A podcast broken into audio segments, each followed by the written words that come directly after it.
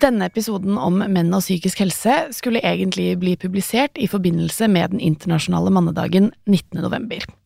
Men pga. grunn av den vanskelige situasjonen i Gaza, og fordi Plan sine kommentarfelt koker med spørsmål om hvor pengene man donerer blir av, valgte vi å lage en ekstra bonusepisode om det. For selv om nå mannsdagen har vært, så betyr ikke det at dette er et tema som har gått ut på dato. I fjor var det totalt 610 selvmord i Norge. Av disse 610 så var det 436 menn som tok sitt eget liv.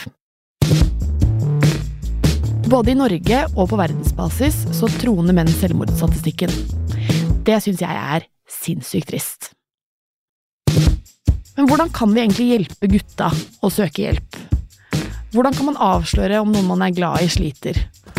Og hvordan kan vi bli flinkere på å følge med på de rundt oss når de ikke vil møtes eller ikke dukker opp på fest? Vi er nødt til å snakke om menn og psykisk helse. Mitt navn er Pernille Kjølberg Vikørn. Du hører på F-ordet, en podkast laget i samarbeid med Plan International Norge.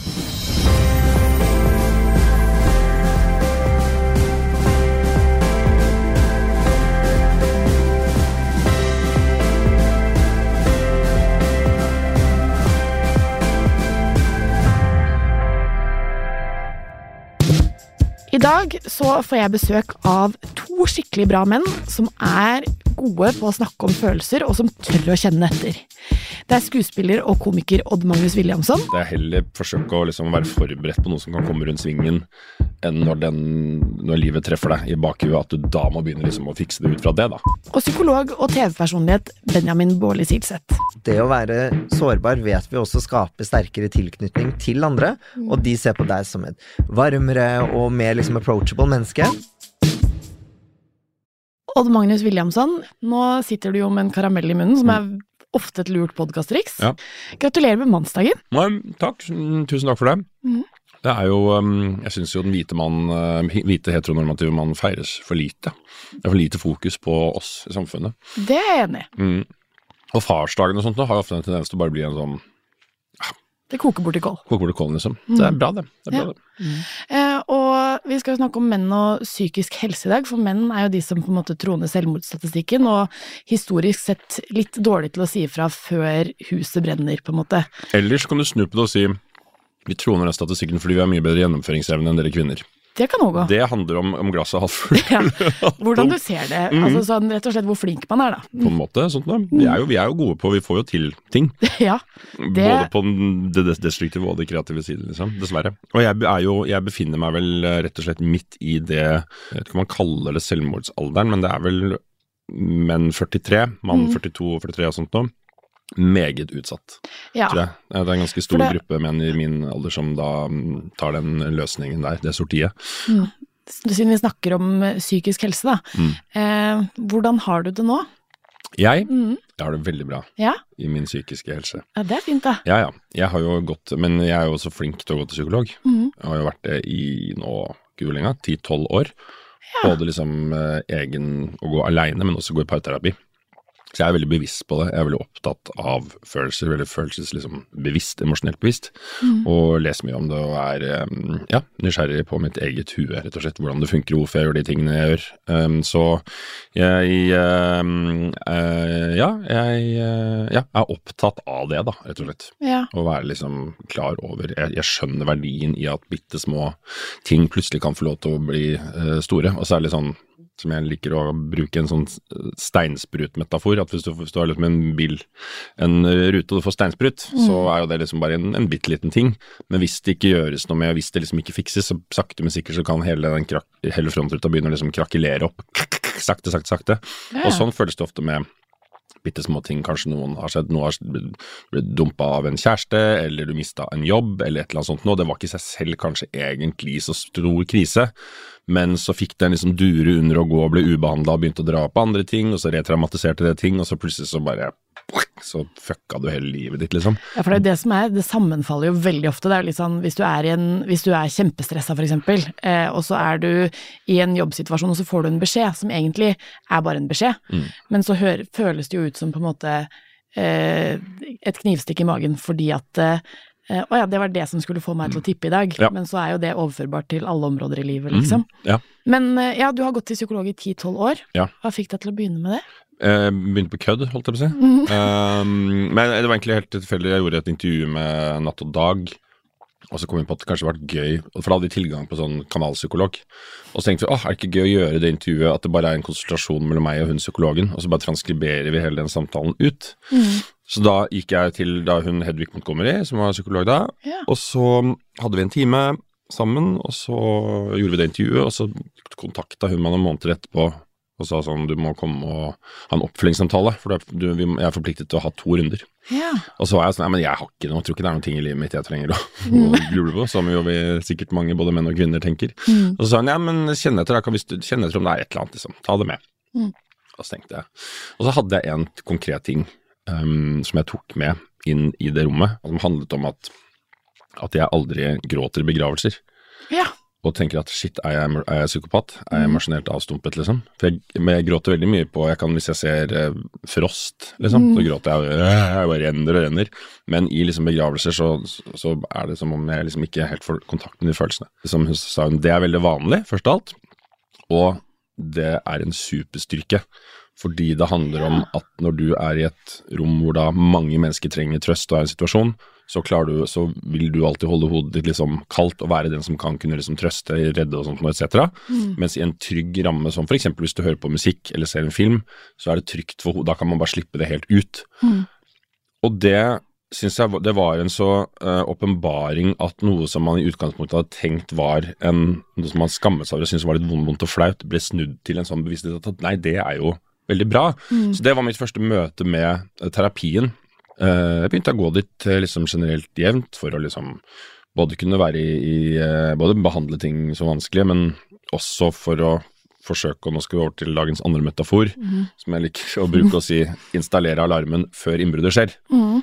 At det er heller forsøke å liksom være forberedt på noe som kan komme rundt svingen, enn når, den, når livet treffer deg i bakhuet, at du da må begynne liksom å fikse det ut fra det. da. Mm. Det, det liker jeg godt, å forsøke å være, bruke terapien eh, sånn sett. Ja. Men også da, fordi jeg har gått så mye i det, så har jo da hvis et eller annet dritt skjer, enten i forholdet ditt eller i livet og sånt nå, så er dørstokkmila så jævla kort for å bare gå dit med en gang. ja, for du du er der allerede, på en måte. Du er der. sånn, mm. Kommer det masse generalisering underveis, men menn er ganske gode innimellom til å å gå i terapi fordi det er så dyrt.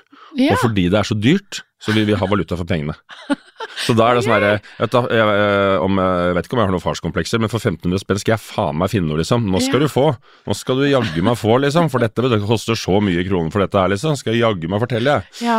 Og mora mi så Altså, da er det da Fordi det er dyrt, så er det sånn, da Og du i hvert fall får valuta når du er der. Ikke sant. Ja, men det er fint, da. Men så er det jo på en måte sånn at terskelen for menn til å oppsøke en psykolog ofte er høyere enn det terskelen er for kvinner. Hva skulle du ønske at var annerledes for å endre det eller gjøre det bedre? Jeg skulle ønske det var flere mannlige, gode psykologer som eh, kunne hjelpe alle de forskjellige gutta der ute som sliter med absolutt alt mulig. Jeg skulle ønske det var liksom en sånn herre At det fantes en eh, At det var like mange som det var fastlege, liksom. Og at det var en sånn helt natur... Du kunne få time når som helst. Du kunne bare gå inn, og at det ikke kosta så mye. At det var liksom At det var mye lettere for menn å komme seg inn i det rommet, da. Mm. Ja, jeg tror jeg snakka om det her et eller annet sted en gang Ja. at i min drømmeverden Jeg skulle ønske at det fantes en sånn mental natteravntjeneste. Hvor Altså, det er jo veldig, veldig mange kloke, smarte eh, menn som ikke er psykologer, men som er hobbypsykologer, og som er liksom de som er gode å prate med, liksom. Det var så fint hvis det fantes en sånn telefon eller en tjeneste hvor de da bare hvor det var mulig å ringe. At det var et eller annet frivillighetsarbeid som var sånn ok, en eller to timer i uka, så sitter man på en sånn greie, og så kan ringe liksom Kan menn, da, ringe inn, og så kan det være en prat. Og så er det ikke nødvendigvis en, en faglig terapeut som sitter der, men det er et menneske som er det bare i kraft av å være en, en, eh, en mann som kan høre på deg? ja, Liksom? ja. Kanskje litt skorte på den der ensomheten som også er et eh, problem for veldig mange menn, da. Mm, for det er jo virkelig mange der ute som bare trenger noen å prate med. Og det som er magi, ikke sant, er jo at det er jo uh, mye Nå snakker jeg bare ut fra egne erfaringer. Mange ting jeg har tatt med i terapirommet som jeg har trengt lang tid for å ordne opp i. Og så er det noen ting som man tenker sånn Nei, men det her er så komplisert og stort og vanskelig og sitter så dypt og åh gud, for et stort fjell jeg nå skal liksom bestige. Og så presenterer man kanskje det problemet for noen, og så er det én setning som skal til, som plutselig bare løser alt sammen på to Mm. minutter. Er sånn mm. Så det, det skulle jeg ønske. Det skulle jeg ønske fantes. Det tror jeg hadde gjort veldig mye for, for den mannlige helsen, hvis det fantes et sånt uh, tilbud. Altså, jeg tenker egentlig vi har en fasit her. Det er jo bare å sette i gang den natteravntelefonen for menn som bare trenger å ha noen å prate med. Litt brennkvikt, eller? Jeg snakker jo med mine venninner om hvordan jeg har det. Altså om alle humørsvingninger, om jeg har det bra, om jeg har det dårlig, alt mulig. Men hvorfor gjør liksom ikke menn i like stor grad det? Eh, jeg leste en bok en gang som var som gjorde veldig, veldig, veldig inntrykk. Og det er, var en bok som het A New Psychotherapy for Men. Det som er greia med den boka, at det var Den ble skrevet av to psykologer på 90-tallet fordi det var ikke så mye forskning på psykisk helse hos menn. Og en ting som jeg ble veldig veldig bevisst på, som kanskje kan være smart for andre menn som hører på dette her og, og, øh, og reflektere over, er det at øh, vi menn er, vi, er, vi har akkurat de samme følelsene inni oss som dere kvinner har, Ja, ja. men det er ikke alle disse følelsene som er helt øh, legitime for menn å vise. Nei, nei. Men én følelse som er legitimt, og som alltid har vært legitimt for menn å vise, er sinne. Mm. Og det som skjer da, er at uh, tegner på et sånt bilde som man kan kalle for sinnapølse. Ikke sant? Pølse er jo en blanding av alt mulig dyr. Mm. Du klarer ikke å smake forskjell på hva som er hva, det bare er, det er pølse. Ja. Og litt sånn kan det være med sinnapølsa også, at mannens sinne noen ganger kan handle om noe helt annet enn at den er sint. Det kan være det kan være å ha følt seg liten, det kan være liksom savn av en tapt barndom, det kan være sjalusi, det kan være liksom Det kan være veldig mange ting. Kan det være alle, absolutt alle følelser som trigger et eller annet, noe som er vondt i deg, da, som så, da kom, mm, så, kommer kommer alt, men så kommer det bare ut som sinne. Så det er helt umulig for personen i andre enden å deschiffrere. Men hvorfor er du så forbanna, liksom? mm. Og så handler det kanskje bare om Det handler om liksom kanskje bare noe som er en helt annen følelse, egentlig. Men Ja. fordi man ikke har helt liksom fått lov til å uttrykke det, så ender det bare opp som sinne, da. Og det ble jeg veldig, det ble jeg veldig bevisst på. I at det var sånn, ok, er det ganger jeg reagerer med liksom irritasjon eller, eh, eller, eller sinne Sinne. på ting som egentlig handler om noe helt annet. Og da ved å stoppe opp og forsøke å forstå følelsen, hvorfor er det jeg faktisk, hvorfor reagerer jeg nå, hvor kommer det fra, hva er det egentlig, så begynte jeg å få liksom en mye mer oversikt over det. Og så ble det mindre og mindre skamfullt etter hvert å sette ord på de tingene overfor kjæresten min og sånt, og kunne si liksom, nå ble jeg sjalu, jeg følte at dette var sånn og sånn, eller nå føler jeg meg oversett, eller jeg føler at du ikke eh, bryr deg om meg hvis du ikke gjør sånn og sånn, for det betyr så mye for meg. Uh, og ikke sant, sånne ting som det. Mm. Få et språk, finne det språket. Så plutselig så mm, blir man jo god, da, på Ja. dette her. Og så er det noe med plutselig, altså sånn hvis man bare eh, tenker litt om eh, hver gang man har vært sint på et, en støvsuger, da, for eksempel, Mm. eller et eller annet sånn idiotisk som det ikke er noen grunn til å være sint på, Mm. eh, så kommer jo det ofte liksom fra et annet sted, og det er det bare å forstå at sånn Du klikker nå på vaskemaskinen, Ja. ikke fordi den sto der, på en måte. Det er fordi det er noe du driver og jobber med som du ikke klarer å sette ord på. Ja. Og det prøver jeg på en måte å få noen av mennene i mitt liv til å forstå hvis de har sånne eh, uforholdsmessig store reaksjoner Mm. på veldig små ting. Mm. Eh, og så er det jo ikke opp til meg å si hvor uforholdsmessig stor en reaksjon eller liten den skal være, liksom. Mm. Men det er sånn, er det kanskje noe her du driver og jobber med, men så tror jeg det er mange som ikke får det spørsmålet, da. Mm. Er det noe som skjer nå? Mm. Og da, hvordan bruker du det du har lært om hodet og kroppen, og hvordan menn reagerer på ting, eh, i møte med dine venner som kanskje liksom ikke helt har jobbet like mye med seg selv? Men, det, men akkurat det du snakker om nå, som Mm. handler om å forstå at vi har eh, det som kalles liksom primærfølelse og sekundærfølelse. Her, du raser på en Du klikker på en sparker i en boker og sier 'men faen, den bokrast du er', men du er klar over at dette handler om noe annet. Bare å vite det, bare liksom ha det språket for å kunne si det, liksom, ok, det er primærfølelsen, hva er, hva er sekundærfølelsen, hva ligger hva er det som ligger under? Hva er liksom eh, den eh, Hva er ja, det underliggende og sånt nå. Ved å liksom bare være bevisste, så lærer man jo plutselig veldig mye, da. Mm. Og da er det jo, men da må man være klar over det. Og da må man jo liksom lese med det, jobbe med det. Ellers så blir det bare til at man bare går rundt og er Mange menn går rundt og bare er forbanna, liksom. Og Er sinte og sinte og sinte og sinte, og, og klarer ikke helt å få oversikten og få kategorisert sinnet sitt inn i de forskjellige skuffene som det da faktisk er. Og bare ved å gjøre den jobben, så begynner man nok å, å nærme seg i hvert fall det som kan være eh, et litt bedre liv, kanskje. Hvordan skal vi få de til å begynne med å gjøre den jobben, da, hvis man skal på en måte hjelpe noen i livet sitt? Jeg syns vi skal lage en kollektiv natteravntjeneste. Ja. nei, det, nei, men ikke sant, det er jo ofte kjærester. Det er jo, Ja. ofte, at, det er jo ofte det i forholdet at det er menn som er låsen, og så er det kvinnen som er nøkkelen. Og noen ganger så kan den låsen låses opp, og noen ganger må den dirkes opp, og noen ganger må den sparkes opp i kraft Ja. av et ultimatum som er enten så fikser du dritten din, eller så går jeg. Mm.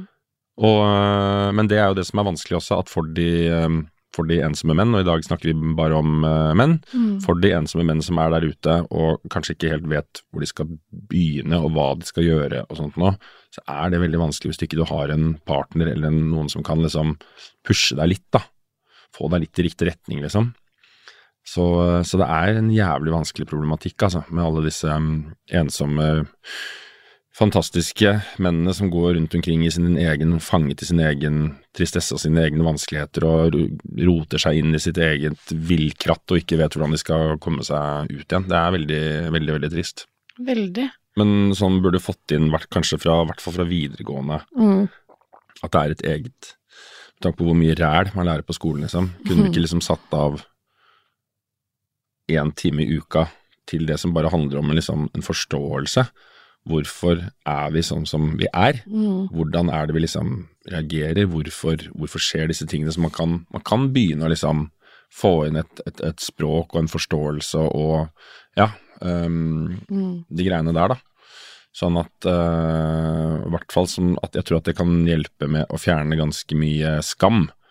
Hvis man går rundt og vet at å ja, dette her er det Alle menn har det Ja. sånn, liksom. Eller halvparten av alle menn har det sånn, så det er veldig naturlig at man Ref dette her nå med som skjer sånn. Nå hadde jo min uh, gode kollega venn Henrik Thodesen hadde liksom et panikkanfall nå for en, Mm. var det for en måned siden cirka nå.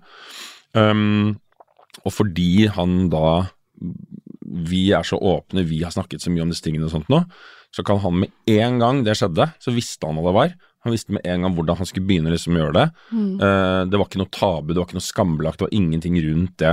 Det har vi fått fjernet veldig, veldig veldig mye ting ut før. Var det liksom, Gikk folk og gjemte seg liksom hvis de fikk det og forsøkte bare å jobbe seg gjennom det. Ja, ja. Så det er jo en sånn Nå er man klar over at det er en skjer, i hvert fall innenfor min bransje, så er jo det sånn det er jo en bransjesykdom, liksom, at du skal møte veggen.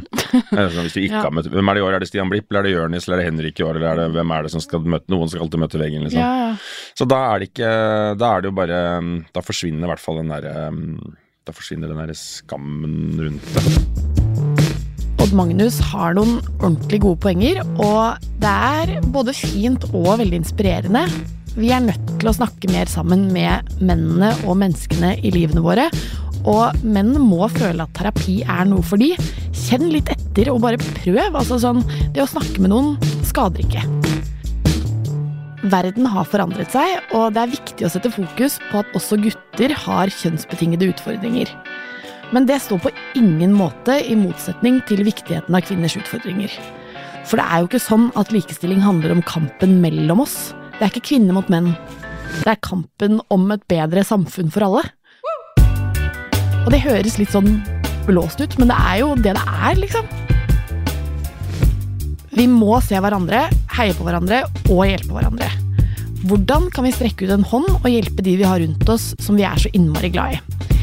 Benjamin Baarli Silseth er psykolog og har jobbet mye med unge mennesker og psykisk helse. Jeg må jo ta meg selv i å ikke bare være feminist på vegne av kvinner. Ja. Eh, ergo også jobbe for likestilling der på, hvor det skorter for menn. Ja. Og en av de områdene, det er jo på psykisk helse, hvor for eksempel menn troner selvmordsstatistikkene. Men hvorfor er det sånn? Det er jo kanskje det evig store spørsmålet som vi alle lurer på. Hvorfor er det sånn? Hadde vi hatt et veldig godt og tydelig svar på det, så håper jeg og tror at vi hadde gjort noe annerledes. Men eh, vi har jo noen tanker og kanskje liksom noen hypoteser. Um, og jeg tenker jo kanskje mye av det handler om hva mannerollen er. Hvordan yeah. liksom mannsidentiteten er. Eh, For i mange, mange hundre år så har jo mannsrollen vært en forsørgerrolle. En som skal liksom holde, holde ting oppe i familien, i, bringe hjem pengene, jobbe, gjøre den biten. Og så har kvinnen hatt en annen rolle. Mm. Og nå vet vi jo at disse rollene blir jo, og skal være, mer og mer like. Man skal ha de like mulighetene og sånt. Mm. Men så må vi jo alle tilpasse oss eh, den nye identiteten, eller den nye måten å se det på. Mm. Og der tror jeg kanskje mange menn også sliter, Mm. fordi en, en del tenker kanskje at mannen fortsatt skal være sterk og tøff og ikke gråte og ikke vise følelser. Um, men så er det også kommet en forventning nå om at man skal man skal være åpen, man Mhm. skal vise følelser. Uh, vi vil ha den emosjonelt tilgjengelige mannen. Og den identitetsutviklingen der tror jeg vi fortsatt sliter med. Eh, fordi vi ser jo at menn er blant de som eh, bruker offentlig helsetjenestetilbud ganske lite.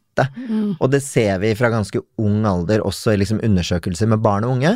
Ja. Så ser vi at allerede der eh, så er gutter mindre tilbøyelige til å oppsøke hjelp sammenlignet med jenter. Ja, ikke sant. Og så er det jo ofte sånn, eller jeg har i hvert fall hørt flere historier om på en måte menn som plutselig tilsynelatende hadde det perfekte liv, og så eh, tar de en avgjørelse som jo altså tar livet av seg, da. Mm. Eh, og så kommer det da fram at de har gått på en smell på jobben, eller sånn, altså sånn, sånne type ting som jo eh, går veldig imot det liksom klassiske mannsidealet. Ja. Da skal du være den sterke forsørgeren og Ja, Mm. og når du da ikke lenger lever opp til det idealet, eh, og heller ikke har så mange eh, muligheter, tenker man i hvert fall selv, Mm. til å lufte dette, til å få støtte, til å få hjelp, til å eh, innrømme det de selv kanskje ser på som et nederlag, da. Mm. Ved å for eksempel ha mistet jobben, eller et eller annet annet. Så blir man jo gående med dette her alene. Ja. Um, og jeg tror veldig mange menn kjenner på en ganske stor ensomhetsfølelse i det, fordi forventningene til alle rundt er at det skal gå så bra, og kanskje har det gått bra veldig lenge, Mm. uh, og da er det vanskelig å snu på det til at nå går det kanskje ikke så bra lenger. ja. Eh, og når man da får den belastningen i tillegg til å kjenne på den ensomhetsfølelsen, så kan den være ganske kvelende, og for noen så blir da til slutt eneste løsning å ta livet sitt. Mm. For de ser ikke noen vei ut av det. Nei. Og det er jo ja, på en måte altså sånn, eller tragisk. Mm. Det går ikke an. Men eh, som du sa, da, de oppsøker hjelp mindre, eller i mindre grad enn eh, kvinner og jenter gjør, og det begynner ganske tidlig at det skjer. Mm. Men hvordan kan vi da hjelpe de å søke hjelp, hvis det gir mening? Ja, absolutt. Det gir kjempemening. Eh, og det er jo noe som er veldig eh, spennende, fordi når vi ser på det, eh, altså de tilbudene vi har nå innenfor psykisk helse, Mm. så mener jeg jo at de, de tilbudene de er ikke helt tilrettelagt for menn. Nei. Det er fordi at veldig mange av de tilbudene vi har, og som jeg selv har som psykolog, Mm. eh, så er jo det å prate, eh, og gjerne det å sette seg ned én til én, Mm. se på hverandre og prate er en ganske intens opplevelse. Absolutt. Um, jeg har jo selv gått til, til psykolog og sittet på andre siden og har fått kjent på hvor sånn wow, dette, dette er mye. Det krever ganske mye å faktisk sitte der og skulle orke å åpne opp og brette ut, liksom. Ja, og bare det å ta det steget, at man kommer dit og bestiller den timen og føler at dette er et tilbud for meg, Mm. eh, den er tricky. Så jeg tror at en del av det eh, ligger i at vi har et eh, helsetilbud som belager seg veldig på at vi skal snakke. Vi skal prate om det. Vi skal sitte én til én, eh, og du skal slite ganske mye for å få offentlig helsehjelp. Mm. For mange er det nok et stort, eh, en stor avvisning hvis man da ikke får eh, innpass i det offentlige helsevesenet når man først søker, og blir Mm. avvist. Eh, det tror jeg kan ta knekken på mange, og det gjør det jo dessverre også. Ikke, da snakker jeg veldig sånn mentalt sett, da, at det gjør vondt. Mm. Um, så jeg tror at um, mye av grunnen til at vi ser så store, store tall når det gjelder menn der, er at vi har ikke et godt nok helsetilbud til menn. Um, jeg har jobbet med stort sett med barn og unge, eh, nå også med unge voksne. eh, og noen eldre her og der, men det er, jeg tiltrekker meg mange unge voksne. Mm. Um, og da jeg jobbet i BUP, som er barne- og ungdomspsykiatrien, eh, og fikk eh, gjerne møte mange unge, eh, unge gutter som strevde med et eller annet. Mm. Um, og veldig mange ganger da så var det vanskelig å sette seg ned og prate. Ja. Fordi at mange gutter og mange menn vokser opp med en tankegang eh, som kommer fra samfunnet, fra foreldre, fra alle oss rundt, om at du skal ikke prate, du skal ikke føle. Det er ikke din plass som mann. Nei. Og så er det jo ikke sånn det skal være, men Nei, nå snakker nei. jeg om hvordan mange opplever det. Og- Men ref bare alt som handler om hvordan språk vi bruker og sånne ting, det har vi jo lagd episoder om eh, i denne podkasten her. Bare sånn at du liksom er sånn der, du skal være så tøff, du skal være så sterk, at liksom den forventningen blir så jævlig satt fra ganske tidlig, da. Veldig! Og det kan være ganske skadende for de som da ikke er nødvendigvis sterke og tøffe, for det er jo ikke en kjønnsspesifikt hvorvidt du er eh, tøff, liksom, eller modig, eller hva faen man skal si, da. Nei, det er nettopp det, og vi ser det jo i eh, undersøkelser i barnehagen, Mm. hvordan barnehagepersonalet møter eh, gutte- og jentebarn når de faller og slår seg, eksempel. Eh, så har de gjort liksom sånn videoopptak da, for å se hva som egentlig skjer. Mm. Og da ser du jo at når jentebarn faller og slår seg, så er det et flertall av de ansatte som kommer og liksom trøster og skal hjelpe opp, og slo du deg, går det bra? Men så ser de at når guttene faller og slår seg, så er de mer tilbøyelige til å være sånn oi, opp igjen med seg, dette går bra. Og får ikke den samme omsorgen som man jo trenger som barn, Mm. eh, men fordi de er gutter og det er en forventning til at de skal komme seg videre.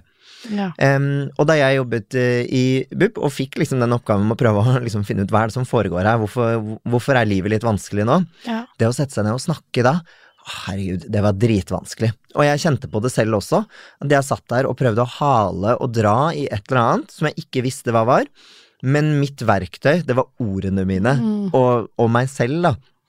Um, det var veldig ofte at det ikke funket så bra.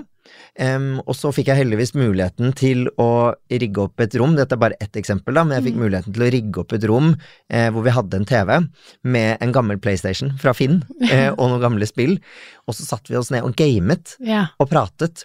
Og da begynte det å skje noe. Fordi da eh, forsvant litt det derre én-til-én-fokuset. Mm. Eh, da gjorde vi det vi kaller for en triangulering, hvor det er at du og jeg, Pernille, vi fokuserer på en tredje ting, Mm. mens vi har en sånn greie mellom oss også, ja. som tar vekk litt av den intensiteten.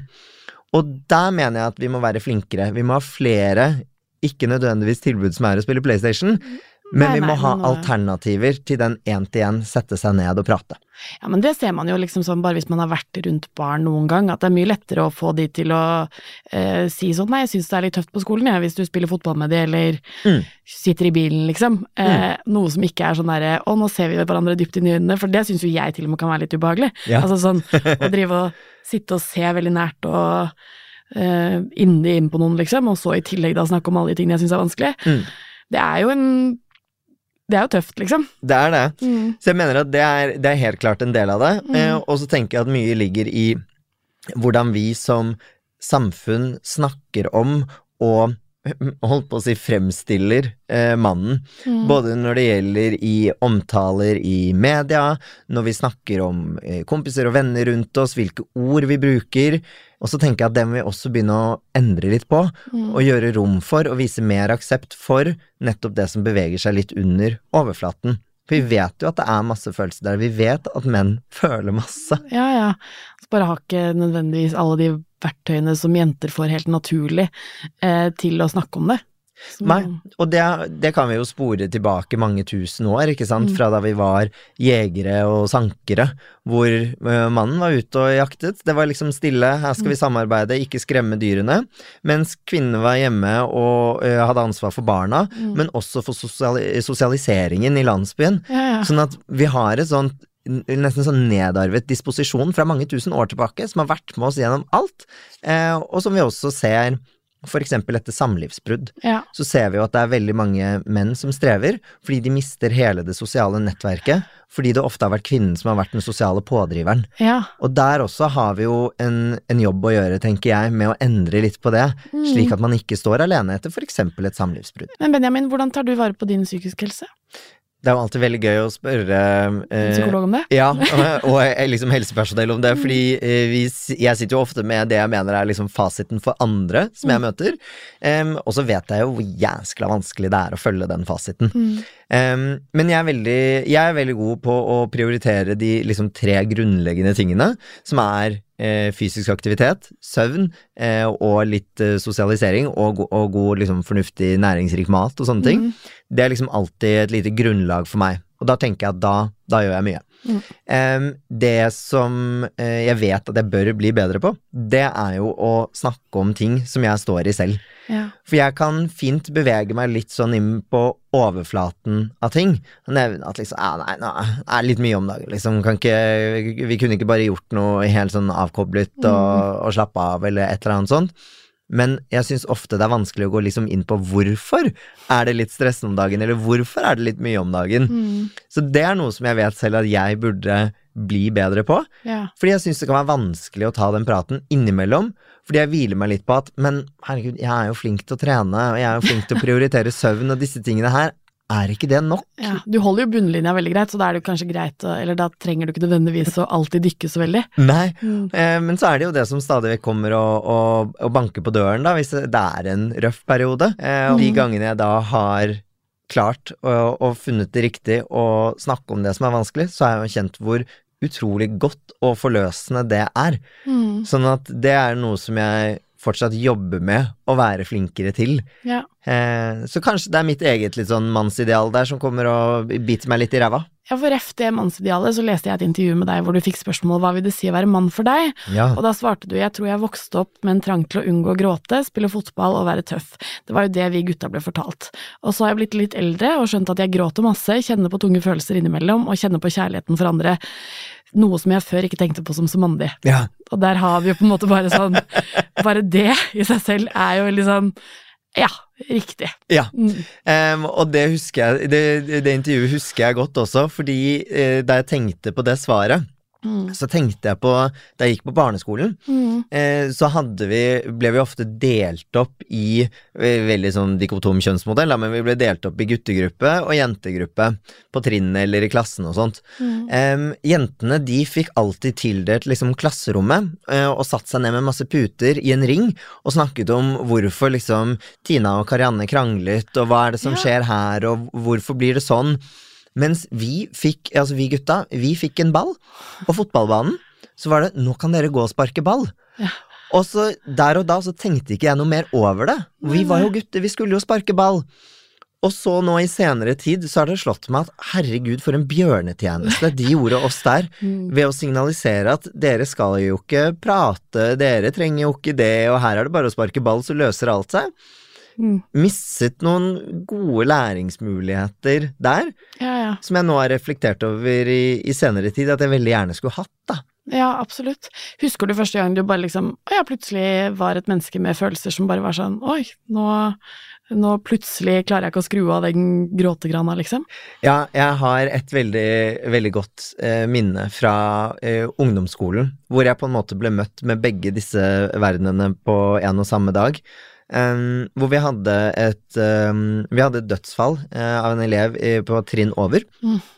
Uh, og så var hele skolen samlet til en sånn minnestund i gymsalen. Mm. Uh, for det var jo noe som berørte veldig mange, men var åpent for hele skolen, så alle dro dit. Og så kom faren til denne jenta som døde, og holdt en tale i minnestunden, Mm. som var Jeg får nesten tårer i øynene av å tenke på den nå, for den var, den var så ekte, og der sto det liksom en voksen så ut som en liksom relativt karslig kar, liksom, eh, og bare gråt og liksom skulle minne oss på å ta vare på hverandre og nyte tiden vi har med hverandre. Og nesten alle satt og gråt, Mm. og jeg klarte det ikke. Nei. Jeg kjente at sånn, å shit, dette dette er vondt, og herregud, der står faren som har mistet datteren sin, og, og her, der sitter klassen hennes som har mistet en venn, og det var så mye, og det var så mange som satt og gråt. Satt med en kompis av meg også, som var, var liksom en klassisk gutt, han gråt også masse, og jeg bare, jeg fikk det ikke til. Nei. Um, og så kom jeg hjem eh, etter denne minnestunden, la fra meg tingene og følte liksom alt var som før, gikk opp på rommet og knakk sammen i tårer. Og jeg bare, altså jeg hylgråt og lå og liksom, jeg klemte puten, og den ble søkkvåt, og bare da kom alt rennende ut. Men det var ikke før jeg var alene at jeg klarte å gråte da. Mm. Og det var en så rar opplevelse. Utrolig godt å uh, få gråte da, og gråte er jo veldig godt for oss, rent sånn fysiologisk sett. Absolutt. Men det var altså en så merkelig opplevelse. Mm. Og den har jeg faktisk hatt flere ganger. Akkurat den der, at i settinger hvor det er helt ok å gråte, eller hvor det er masse plass, så får jeg det ikke helt til, men det kommer etterpå. Ja. Veldig rart. Men det tror jeg faktisk, så tror jeg det ikke nødvendigvis er kjønnsspesifikt, fordi det eh, er litt sånn jeg også kan på en måte Jeg ler alltid hjertelig i begravelser, for eksempel. Det er, Ja. det er ikke noe hyggelig, da, men det, jeg ler alltid hjertelig og syns det er så innmari fint å høre alle disse historiene om dette livet som er levd, da. Mm. Og så kan de være helt sånn vanvittig tragiske omgivelser, men det er bare sånn åh, gud, så fint, da. Det var jo en fin person, liksom. Ja. Og så kommer jeg hjem, og så blir jeg sånn Ja. Da kommer det ut plutselig. Altså, Ja. sånn, jeg gråter også best alene, da. Ja. Men så plutselig så åpner det seg jo også rundt andre mennesker, da. Ja, det, det er jo det det fort gjør. Mm. Um, og jeg tror jo det, for mange av oss er det en litt sånn eh, forsvarsmekanisme. Mm. Det å ikke nødvendigvis gjøre det med, med andre, fordi man åpner jo man åpner jo opp et rom. Man viser seg jo som sårbar og som et følsomt menneske. Ja. Noe de aller fleste av oss er. Det å være sårbar vet vi også skaper sterkere tilknytning til andre, Mm. og de ser på deg som et varmere og mer liksom approachable menneske. Så vi burde jo egentlig våge å vise den sårbarheten oftere. Mm. Men så er det jo noe med hva man kanskje har lært og erfart og sånne ting opp igjennom, da, som gjør at eh, det er ikke alltid like lett. Men det er jo liksom sånn spennende da, å snakke om dette her med gråt. Altså sånn, jeg har aldri hørt at det at når du gråter foran noen andre, så føler du Eller så ser de på deg som et varmere menneske, liksom. Eller sånn at du Det er sånn Det er utrolig mye styrke å vise seg sårbar, da. Ja, Men da er det jo også viktig at vi på en måte får eh, Hva heter det eh, Videreformidlet dette her til alle andre òg. Fordi vi er jo tjent med en verden hvor alle tør å være litt mer sårbare. Da tror jeg det er lettere å spørre om hjelp, liksom. det er nettopp det det er, eh, og hvis vi klarer å bryte litt ned alle de fasadene som vi Mm. har oppe, eh, som vi alle gjør eh, i forskjellige grader hele tiden, så er det noe med at det å vise noe av sitt indre, det å vise denne sårbarheten og nærheten, og ikke minst gi andre muligheten til å være der for deg, det gjør også at eh, man får en sterkere relasjon sammen, Mm. men det gjør også at man får en sterkere aksept for disse følelsene, og, og det å bli det å bli møtt, det å bli ivaretatt og validert på det som er vanskelig, det vet vi at det er noe som er ganske grunnleggende godt for nesten alle mennesker. Mm. Eh, vi trenger det innimellom. Og hvis vi da tenker på psykisk helse, muligheten til å oppsøke hjelp osv., så, videre, så er det ekstremt viktig. Ja. Hvis du trenger å snakke med noen enten fordi du sliter selv, eller fordi du har noen i livet ditt som syns at ting er vanskelig, så kan du alltids ta kontakt med Mental Helses hjelpetelefon på 116 123.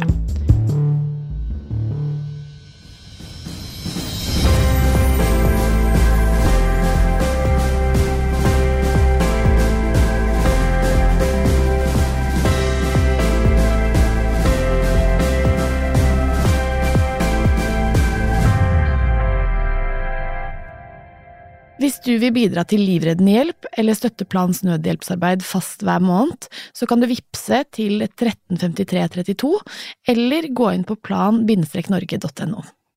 F-ordet er produsert av Monster Podcast i samarbeid med Plan International Norge.